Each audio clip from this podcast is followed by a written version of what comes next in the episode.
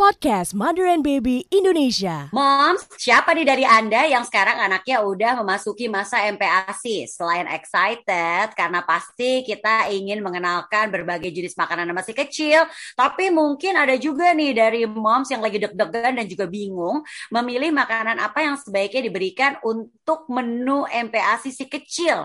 Karena pasti kita maunya memberikan makanan yang bernutrisi untuk si kecil supaya kebutuhan nutrisi hariannya terpenuhi serta daya tahan tubuhnya juga tetap terjaga. Nah, bahan atau makanan apa aja sih sebaiknya diberikan saat anak lagi masuk nih atau udah masuk di masa MPASI dan hal apa nih yang perlu kita perhatikan saat memberikan MPASI kepada anak? Semua pertanyaan dan juga kebingungan para moms akan dijawab nih moms. Kali ini MB akan mengajak ngobrol Dr. Herbowo Agung Suto Menggolo SPAK, spesialis anak dari Brawijaya Hospital Saharjo untuk membahas soal pilah-pilih MPASI. Halo Dokter Herbowo, apa kabar dok? Halo, kabar baik, sehat-sehat. Gimana kabarnya juga? Alhamdulillah, sehat dokter. Aduh ini kita selalu berharap tentunya ya uh, semua garda depan nih, para dokter, nakes, suster dalam keadaan sehat-sehat aja. Nah dokter, tapi kalau hari ini kita akan membahas soal MPASI nih. Karena kita tahu ya dok ya, saat masuk masa MPASI, ini tuh para moms senang iya, tapi deg-degan iya, ya nggak sih dokter? Pasti, pasti. Nah, dok, sebelum kita makan uh, ngebahas soal jenis makanan untuk MPASI si kecil, sebenarnya dok, apa aja sih yang harus dipersiapkan nih saat anak akan memasuki masa MPASI nih dok? Mungkin kita sebagai moms tuh harus memastikan bayi itu kan udah siap makan atau belum, ya kan? Cari tahu makanan yang tepat, buat jadwal makanan, siapkan peralatan dan aduh pasti banyak banget nih dok. Apa nih dok? Ya, saya sih selalu ingetin buat para orang tua nomor satu gini, kalau mau belajar tentang mempersiapkan MPASI belajarnya dari sebelum mulai makan. Karena kalau udah nanti tiba-tiba Oh, udah bener. waktunya makan baru belajar, udah deh pasti berantakan. Karena itu dulu saya Bener alamin. sih. Saya saya punya anak tuh udah dokter anak loh. Dan begitu nyiapin MPASI Oh gitu. itu pun aja saya bingung. Karena dulu di dokter sekolah dokter anak nggak diajarin masak buat bayi. Jadi bingung. Bener. Tapi konsepnya begini, jadi dari awal kita udah mulai uh, melihat bayi itu siap atau enggak untuk menerima makan ya. Uh, betul kalau kata orang makan tuh umur 6 bulan, makan umur 6 bulan. Mm-mm. Itu betul, nggak ada yang salah dengan itu.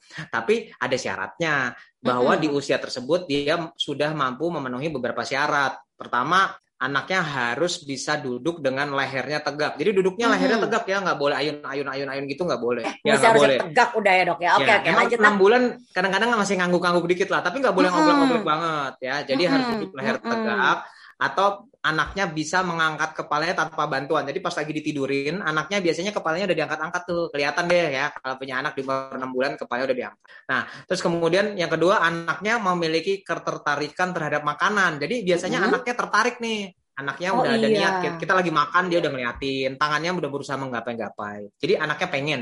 Nah, ketiga anaknya juga eh, sudah bisa menggenggam suatu benda dan memasukkan ke mulut. Jadi anaknya udah mulai bisa ngambil beneran gitu. Nah itu Mm-mm. eh, karena itu kalau mau makan harus bisa begitu. Nah yang keempat anaknya memiliki respon membuka membuka mulut saat ada makanan didekatkan. Mhm. Karena kalau bayi kecil itu kalau ada makanan di ada sesuatu yang dekat mulut lidahnya julur dia. Karena kan Mm-mm. sebenarnya mau asih kan. Nah Mm. kalau dia masih kayak begitu sampai umur 6 bulan nggak bisa dia makan. Setiap dikasih sendok julur lidahnya. Iya Ya, sih. Kalau gitu nggak makan-makan dong, didorong terus. Oh Nah, iya. dan yang Hmm. nah, nah, yang kelima memang kalau anaknya ada petunjuk bahwa anaknya masih tetap lapar walaupun sudah mendapat ASI. Makanya makan kan 6 bulan. Ada Mm-mm. beberapa yang bilang boleh nggak sih makan 4 bulan? Betul, Nah, iya. panduan WHO ada yang bilang makan boleh di atas 4 bulan. Oke. Tapi keadaan oke. khusus ya. Oke Nah, oke oke. tapi keadaan-keadaan khusus. Nggak semua anak bisa makan di umur 4 bulan. Kita tetap idealnya 6 bulan, kecuali Mhm. pada kondisi-kondisi tertentu, misalnya berat badan sulit naik, begitu, ya kita boleh lah ya, dimulai di 4 bulan. Oke. Oke. Itu Oke. eh, untuk kenalin, itu itu cara mengetahui anak udah siap belum buat makan. Habis itu apalagi harus dipelajari? Hmm. Ya kita harus eh, harus mempersiapkan apa? Ya udah harus siapin tentu saja ya alat-alatnya ya. Kalau nggak ada alatnya gimana mau bikin? Betul. Ya ya ya ya ya. Jadi kita harus siapin peralatannya dari peralatannya untuk ah, untuk bikin karena kita tahu di usia awal di usia di usia enam bulan kan makannya masih eh, biasanya pure atau bubur saring. Jadi ya harus otomatis kita harus punya saringannya, eh, alat untuk pengukus makanannya sehingga bisa empuk. Terus kemudian eh, tentu saja peralatan piring-piringnya. Piringnya yang gimana piringnya sebaiknya yang ada ininya yang ada tempatnya khusus untuk ini untuk naruh buburnya ini untuk naruh Mm-mm. dagingnya ini untuk naruh sayurnya gitu jadi ada ada pembatas pembatasnya itu Mm-mm. sebaiknya yang begitu karena Hmm. memang kita makan makan pada bayi yang terbaik nanti nggak boleh diaduk-aduk ya jadi buat yang penganut bubur diaduk maaf minta maaf ini bayi nggak boleh diaduk ya jadi maaf maaf aja bayi Oke tidak oke oke. Oke oke. Jadi menarik ini. Jadi sebenarnya kita harus memilihkan tempat makanan yang memang kayak itu ya dok ya apa sih namanya kalau kita dapat cateringan cateringan ya dok ya. Jadi kan tempat pisah-pisah tuh makanannya lauknya betul. pisah, karbohidratnya pisah gitu kan. Jadi semuanya dipisah-pisah. Oke, itu boleh jadi catatan uh, untuk para moms nih. Nah dok, apa yang harus kita perhatikan nih saat kita memilih bahan untuk MPASI nih dok? eh, bahannya ya Mm-mm. maaf. Kalau untuk bahan yang kalau kita misalnya mau bahan yang buat eh, MPASI, ya kita mesti pikir kita mesti lihat-lihat dulu. Yang paling penting gini, Mm-mm. MPASI itu kita harus kan tadi kita belajar tentang tepat tepat waktu pemberiannya. Kedua kita Iya. belajar dengan tepat jenis pemberiannya. Nah ini penting banget untuk eh, untuk anak yang baru belajar pertama kali MPASI, dia tuh benar-benar baru kenal loh urusan makanan. Jadi Mm-mm. artinya ini benar-benar baru mulai. Jadi pastiin makanannya sebaiknya eh, standar dulu, nggak usah terlalu neko-neko lah. Kita eh, urut Hmm. makanan yang sehat adalah makan yang mengandung karbohidrat, Mm-mm. protein, lemak dan mikronutrien. Mikronutrien tuh besi, zinc segala macam, vitamin. Hmm, hmm. Jadi makanannya harus mengansur unsur eh, mengandung unsur itu terus ya. Hmm. Jadi itu memang sudah di ini yang sempat orang bilang apa empat kuadran, ada yang bilang empat bintang ya. Hmm, itu hmm, yang hmm. itu dia. Jadi makanan yang dipilih ya harus mengandung itu. Jangan satu-satu, sebaiknya semua udah terpenuhi. Terus Jadi nggak menu tunggal ya dok ya? Ya, udah nggak zaman dulu. Dulu kan Hmm, menu tunggal betul, ya. betul. Sekarang Hmm. udah udah semua langsung dikenalin. Nah, Oke. yang kedua karena baru perkenalan, baru perkenalan. Jadi tolong dikenalkan dengan makanan yang tidak memiliki rasa terlalu kuat. Jadi ya, Hmm, oke. karena kalau begitu dia udah rasanya berlebihan, begitu dia coba dan itu menakutkan buat dia, dia nggak mau makan. Ah, Makanya oke, jangan dikasih duren kalau itu terlalu berlebihan. Oh boleh boleh boleh ini jadi catatan. Oke ya benar-benar benar setuju. Oke. Lalu dok? Nah, kalau ngasih sebaiknya yang segar karena memang bayi nggak kayak kita makan yang udah di misalnya makan udah di lemari es sekian lama gitu Mm-mm. mungkin kebal-kebal aja perut kita. Tapi bayi belum Betul. tentu. Makanya sebaikan sebaiknya diberikan sayur dan buah yang segar. Kalau mau yang di misalnya kalau daging boleh nggak ditaruh di lemari es? Yang Iya, itu iya. boleh karena daging memang bisa tahan ya di lemari es. Tapi kalau sayur dan buah sebaiknya yang segar-segar aja. Ingat lagi Ah. Tadi kan udah udah jenisnya ada tadi yang karbohidrat segala, harus rasanya jangan terlalu berlebihan, segar. Yang penting ini bersih ya, bersih. Dan kita nah sambil nanti belajar makan, pas lagi makan kita mulai juga harus liatin mana yang anak suka, mana yang nggak Hmm. suka. Mm-mm. Itu harus dipelajarin. Jangan punya mindset, wah ini pasti nggak suka nih gitu. Ya, jadi kita juga belajar sehingga kita tahu, oh ini makanan yang disuka, ini yang enggak. Ya, Eh, jadi kita bisa menentukan mana yang bisa kita pilih karena kita pasti pilih yang anaknya suka ya. Tetap yang nggak suka tetap dilatih tapi eh, terutama yang dia suka dan jangan lupa ini kan konsep belajar ya. Mm-mm. Jadi jangan sakit hati kalau anaknya nggak mau. gitu dia. Jadi oke, jangan stres ya. Jadi Nggak boleh baper. cari mahal-mahal. Momsnya nggak boleh baper. iya, jadi nggak usah yang mahal-mahal. Yang sering terjadi Oke. dibeliin yang paling mahal, eh anaknya nggak mau. Terus ibunya yang stres. Ya, Iya, benar Jangan. Yang yang Benar. murah-murah aja dulu. Kan belajar. Betul betul betul betul. Dan katanya untuk tahu anak ini suka apa enggak gitu. Jadi emang harus dicobain berapa kali gitu ya dok ya. Betul. Bahkan bisa sampai 15 kali untuk tahu Oke, baik. Dok, ini kalau kita ngomongin soal MPASI nih, di saat eh, mungkin pertama kali si kecil masuk nih di masa MPASI, sebenarnya sebaiknya diberikan apa sih dok? Kalau zaman dulu ya dok, kita inget ya kayaknya saya gede dulu eh, MPASI pertama saya pisang deh kayaknya dok. Nah kalau sekarang tuh ya itu kan udah udah lewat tuh ya dok ya masa menu tunggal nih dok ya. Nah sekarang tuh eh, menu apa nih yang harusnya atau bahan makanan apa yang diberikan saat pertama kali si kecil MPASI? Ya, kalau ini kita yang tadi saya udah sempat sebutkan ya bahwa kita sekarang udah lagi nggak menu tunggal gitu. Betul. Kita sebenarnya uh, langsung mengenalkan empat kuadran atau empat bintang tadi. Jadi ya udah ada karbohidrat, lemak, protein dan mikronutrien. Udah nggak zamannya lagi empat sehat lima sempurna ya ingat. Betul. Kita udah nggak sebut lagi. Karena dengan adanya empat sehat lima sempurna, semua orang punya mindset susu jadi sempurna. Kalau jadi artinya yang paling sempurna si susu. Terbalik Hmm. padahal bukan gitu. Susu kan tambahan. Jadi Mm-mm. artinya kita udah udah berubah empat kuadran atau empat bintang. Nah uh, jangan lupa pemberian pertama ini kan ini ya pemberi, nggak pemberian pertama ini bentuknya bukan cuma empat bintang tapi kita udah bisa kenalin bentuknya semua semua hal bisa kita kenalin loh mm. jadi uh, penelitian yang baru nggak ada alasan lagi untuk menunda-nunda kayak dulu kalau dulu dibilang kalau anaknya alergi jangan makan telur dulu yeah. jangan makan seafood dulu itu dulu banget sekarang justru enggak kita justru enggak sekarang silahkan dimakan kalau alergi nanti urusan belakangan ya tapi silahkan yeah. dicoba dan tidak ada alasan untuk menunda-nunda pemberian makan. Justru penundaan pemberian makan akan membuat anak lebih mudah alergi. Ternyata penelitian yang baru. Hmm, jadi istilah tuh diberi aja dulu, nggak usah ditunda-tunda ya dok ya. Yes, betul sekali. Nah, tapi kalau dia menunjukkan gejala alergi nih atau tanda-tanda alergi nih, nah ini gimana nih dok? Baru dihentikan, gitu dok? Iya, betul. Atau gimana? Okay, Baru kita hentikan. Okay, okay. Yang penting dicatat dulu karena kadang-kadang kita lupa karena makannya kan udah macem-macem nih. Betul. Jadi kita sulit bedain kan yang bikin alergi yang mana. Kita catatlah hari itu makannya apa aja. Biasanya kita catat tiga hari terakhir sih. Hari ini, kemarin okay. dan kemarinnya lagi. Nanti dari okay, dicatat okay. itu kita bisa tahu lah yang sama kira-kira mana dan yang bikin alerginya yang mana gitu. Oke, okay, oke, okay, oke, okay. baik, baik, baik. Jadi ini tetap lagi nih ya buat para moms nih ya yang yang mulai atau akan memasuki masa MPASI karena seperti tadi Dokter Herbo bilang jangan pas masuk MPASI baru belajar, tapi persiapannya dari sebelumnya. Di antaranya ya tadi mungkin di saat kita tahu kayaknya anak kita nih ada bakat alergi kan biasanya dari orang tua kan ya tuh dok ya. Jadi tuh boleh tuh si kecil tuh mungkin sudah disiapin aja nggak apa-apa dicobain gitu kayak misalnya telur gitu sambil kita lihat juga kalau memang ternyata alergi baru kita kita hentikan, jangan ditunda gitu ya. Nah dok, jadi yang mungkin harus jadi catatan juga nih buat para moms sih, makanan MPASI yang MPASI yang bergizi tinggi yang harus diberikan kepada uh, si kecil apa aja nih dok? Bergizi tinggi, uh, sebetulnya kalau menurut saya sih nggak harus terlalu pilih-pilih ya. Oh gitu dok. Karena okay. pada dasarnya hampir semua makanan yang udah disiapin Tuhan buat kita itu semuanya bergizi Betul. tinggi.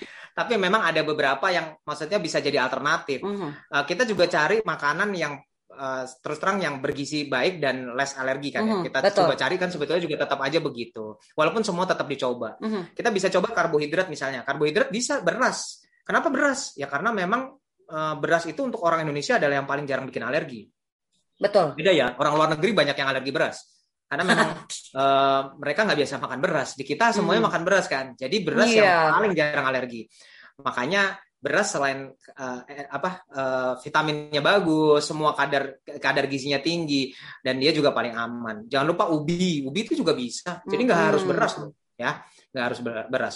Kalau lemak atau protein, nah ini yang mesti dilihat. Kalau lemak memang kita bisa bilang bahwa uh, dan protein kan ada protein hewani ya. Nah biasanya lemak dan protein hmm. hewani kita jadi satu karena sama-sama dari binatang. Uh, hmm. Itu daging sapi bagus, daging ayam bagus, ikan bagus, nggak ada yang jelek loh semua.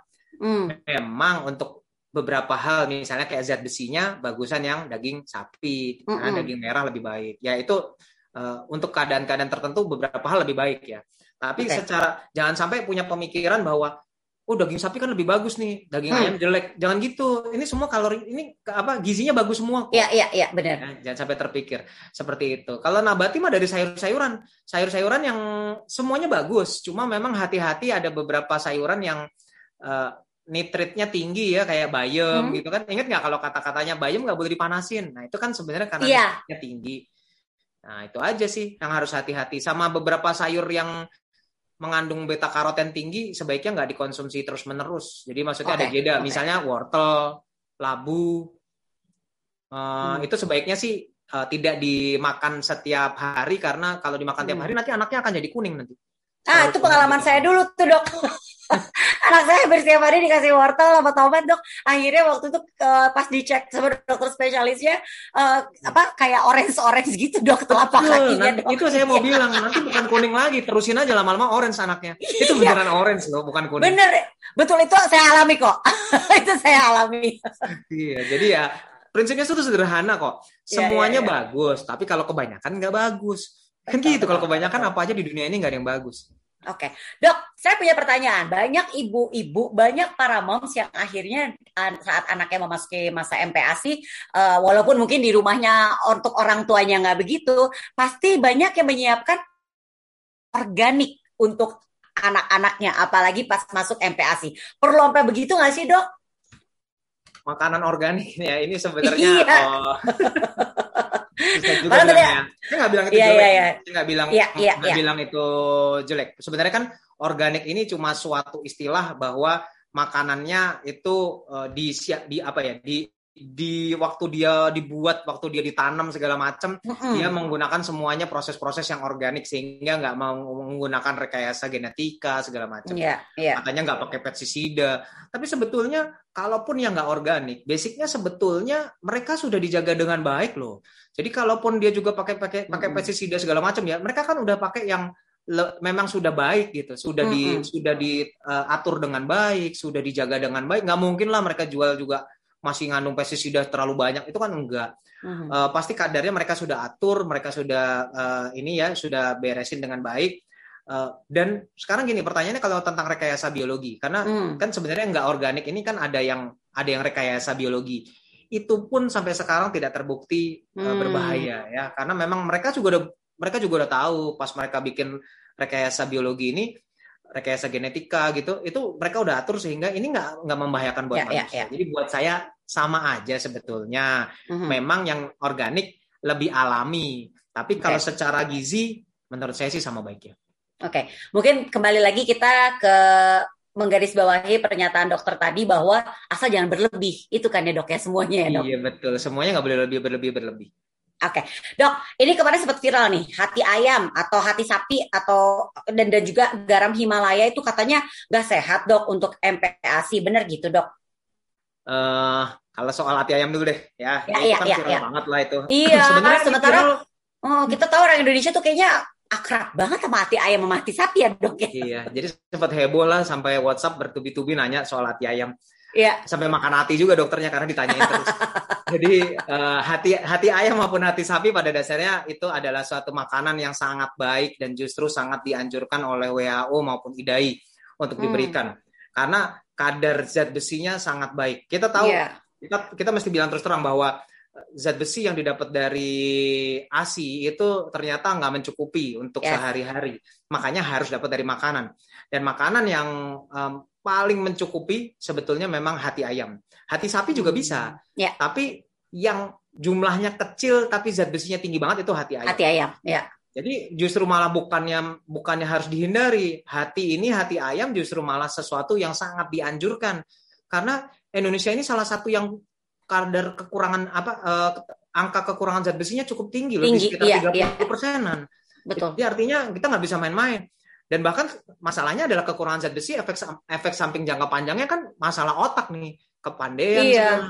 Ya jadi kurang pinter, IQ-nya lebih rendah 10 sampai 25 poin. Itu kan yang ditakutkan di masa depan. Jadi Mhm. nggak usah takut, hati aman justru jadi sumber zat besi yang sangat penting dan menurut saya Ya. harus dimakan. Apakah toksin yang masuk ke hati berbahaya? Toksin yang masuk ke hati pada saat si ayam masih hidup itu sudah dinetralkan oleh hatinya. Jadi dia emang eh, kehebatannya hati adalah dia penetral toksin, bukan penyimpan toksin dia. Dia penetral. Hmm, Jadi nggak ada yang ditumpuk di situ. oke. Kalau garam Himalaya, garam Iya, Himalaya iya, ini iya. sebenarnya ya ini kan ya saya juga nggak tahu ya kenapa harus jauh-jauh sampai Himalaya. Tapi basicnya garam Himalaya ini eh, yang jadi masalah makanya kita sempat rame ya eh, sebetulnya gini garam Himalaya kalau mau dikasih boleh nggak? Sebetulnya nggak ada masalah. Tapi mesti hati-hati Hmm. karena banyak garam Himalaya yang dijual yang tidak mengandung iodium. Itu yang paling penting. Nah, Jadi kita butuh garam beriodium. Sum, soalnya betul. garam garam Himalaya kebanyakan suka nggak ditambah iodium karena dia bilang ini kan garam murni, Hmm. garam yang alami, organik gitu kan maksudnya. Ya. Mm-mm. Nah, itu dia justru karena kita butuh iodium sehingga yang terbaik adalah garam yang ditambahkan iodium. Garam beriodium lebih baik. Ah, garam Himalaya Yes, beberapa oke. dikomplain juga karena mengandung mineral-mineral yang cukup tinggi yang belum tentu bisa diserap oleh anak. Jadi mesti hati-hati sekali. Oke. Kalau buat dewasa saya nggak terlalu masalah lah ya. Tapi kalau buat anak Ya. eh, pencernaannya belum tentu baik loh. Metabolismenya belum sebaik. Lagian sebenarnya lebih gampang cari garam beriodium yang nggak sih dok sebenarnya ya nggak di di Iya, pasaran warung lebih banyak ya nggak sih dok? Betul, setuju Iya, dok. di warung-warung, di toko-toko. Satu nih dok, yang sering juga jadi bahasan nih kayaknya dari zaman dulu sampai sekarang adalah pemberian gula dan garam pada MPASI. Boleh kan ya dok ya? Gula dan garam ya. Ya.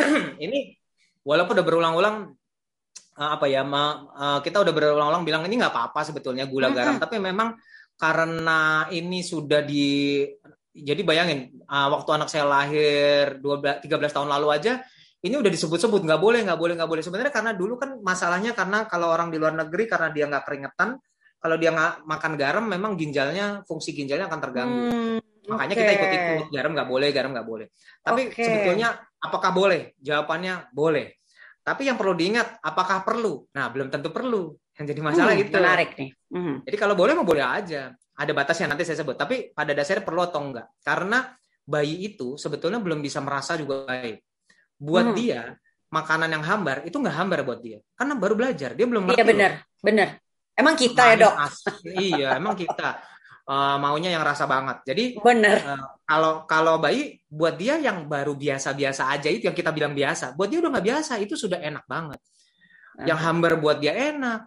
Bahkan yang cuma rasa manis dari buah-buahan yang rasa asin dari eh, misalnya makanannya memang sudah rasanya lebih agak asin gitu ya memang bawaan dari jenis makanannya itu buat dia sudah sangat cukup. Nah apakah boleh dikasih garam dan gula apakah harus jadi nggak harus karena mereka sebenarnya bayi udah senang-senang aja dengan yang biasa Ya, tapi apakah boleh? Jawabannya boleh diberikan kalau ada kalaunya nih, kalau memang anaknya ada kesulitan makan. Karena Hmm. ada beberapa anak yang susah makan karena dia memang menuntut rasa yang lebih. Dan itu kita bisa bantu dengan gula dan garam. Tapi ingat oke. batasnya, kalau garam nggak boleh lebih dari satu gram per hari. oke. Di kira-kira seperempat sendok teh, dikit banget loh. Jadi Ya, nggak iya, boleh iya, lebih iya. seperempat sendok teh sehari. Dan kalau gula, eh, kalau gula sih sebetulnya bisa ini ya. Kalau gula eh, kita saya sendiri nggak terlalu nganjurin sih, walaupun memang ada juga sih sekitar nggak terlalu jauh dengan ini ya, nggak terlalu jauh dengan garam, yaitu Garam, kalau mm. gula biasanya diberikan setengah sampai satu sendok teh, agak lebih banyak dikit. Kalau garam kan katanya seperempat sendok teh sehari. Mm-mm. Kalau gula bisa sampai setengah sampai satu sendok teh per hari. Tapi buat saya kalau gula masih bisa diganti dengan buah-buahan kan ya kan buah-buahan Iya manis sih, ada rasa. Iya, manis ah. Betul, Iya, yang betul. itu bisa lah diganti. Kalau yang garam yang mungkin nggak terlalu agak lebih sulit. Oke. Pengen. Dok, ini sekarang kan banyak yang bilang sebenarnya MPASI menyiapkan MPASI itu nggak seribet zaman dulu ya dok. Mungkin di saat dokter juga eh, anaknya dokter eh, dan juga anak saya tuh dulu kita siapin MPASI itu kan kayaknya momen yang, aduh harus ada waktu khusus kan kalau katanya zaman sekarang tuh MPASI itu cukup dengan makanan-makanan yang ada di meja dalam artian mungkin di saat kita masak tuh sekalian buat si kecil tapi mungkin ya tadi tanpa eh, kadar garamnya berbeda dengan yang diberikan untuk orang dewasa. Emang begitu dok kayak soto ayam gitu tuh sebenarnya kan si kecil katanya bisa gitu dok. Iya sebenarnya bisa memang betul. Mm, Jadi mm, mm. memang makanan yang kita makan sebetulnya bisa. Kalau di di luar juga begitu pendekatannya sekarang makanan dewasa main langsung di blender dikasih ke bayinya gitu ya. Iya. ah, Eh, memang betul sebenarnya benar juga gitu. Tapi ya memang perlu hati-hati bahwa makanan di kita kan sering kita kasih bumbu penyedap, kita kasih gula atau garam yang lebih banyak itu yang mesti hati-hati. Kalau kita Hmm. makannya nggak pakai bumbu penyedap, nggak pakai gula garam ya boleh aja lah Nggak masalah. anaknya. Tapi kayaknya kita yang jadi kurus. Jadi ya, benar benar benar benar benar. karena makannya pasti dikit. Jadi maksudnya Benar benar. jenis makanannya boleh. Saya nggak bilang. Jadi kalau misalnya mau soto gitu, mau opor boleh nggak? Boleh. Kan Hmm. anak makan kunyit segala juga boleh. Iya. Sebenarnya boleh aja, tapi hati-hati gula, garam, dan bumbu Mhm. penyedap. Bumbu penyedap nggak boleh, gula Ya. garam tadi belum tentu perlu dan kalau perlu jumlahnya sedikit sekali. Tapi Oke. kalau jenis makanannya sih bisa. Kan empat bintang itu kalau empat bintang tadi ya sayur, daging, bubur, ya kalau digabung juga jadi makanan kita tuh Betul. semuanya. Betul. Mungkin kali kalau bikin opor, jadi sebelum ditambahin eh, apa namanya gula atau ditambahin garam, dipisahin dulu buat si kecil kali ya, lalu baru abis itu buat orang tuanya gitu kali ya dok, buat Ya, betul. isi rumahnya. Bisa Ya, juga kayak gitu. banget. Jadi sebenarnya udah nggak serepot dulu lagi nih dalam menyiapkan MPASI. Nah dok, oke, ini pertanyaan yang pasti juga sering banget dokter dapetin mengenai MPASI eh, instan atau fortifikasi dok. Boleh nggak sih dok sebenarnya diberikan kepada si kecil? Jadi gini ya, kata-kata suka dibilang, oh ini makanan instan itu sebenarnya nggak tepat sebetulnya. Karena seakan-akan Hmm. pesa- pesaingnya adalah mie instan, ya kan? Betul sih dok, iya. instan, bubur instan, teman baiknya adalah mie instan. Itu pernyataan yang salah sebetulnya. Karena Ah. sebetulnya uh, yang makanan di bayi itu sebenarnya bukan makanan instan, itu istilahnya bubur fortifikasi atau makanan fortifikasi. Jadi Hmm. artinya persepsi persepsi bahwa itu jelek itu sebenarnya uh, menurut saya itu keliru. Hmm. Kalau ditanya berbahaya nggak? Enggak. kalau ada yang bilang tapi kan ada pengawet segala macam. Iya. Pengawet maupun bahan-bahan yang ada di dalam makanan-makanan yang sudah difortifikasi itu itu sudah dibuat sehingga sangat aman dan Yes. sangat aman dan itu bisa dipakai pada bayi. Jadi justru malah kita juga menganjurkan pada bayi-bayi yang eh, berat badannya kurang baik. Hmm. Kalau berat badan bayi kurang baik kan dia butuh vitamin, butuh Betul. asupan lebih banyak. Makanya butuhnya yang fortifikasi karena fortifikasi itu udah ditambahin loh vitamin-vitaminnya, mineralnya. Ya, ya. Jadi artinya jangan salah ya, jangan sampai bilang bahwa uh, fortifikasi itu jelek. Tapi pertanyaan lagi apakah harus? Kalau Nah, harus ya. enggak juga. Makanan di rumah baik. Betul. Tapi kalau pada satu titik beratnya kurang baik, uh, boleh dibantu dengan fortifikasi. Kalau nggak sempat gimana? Ya boleh fortifikasi, nggak ada masalah.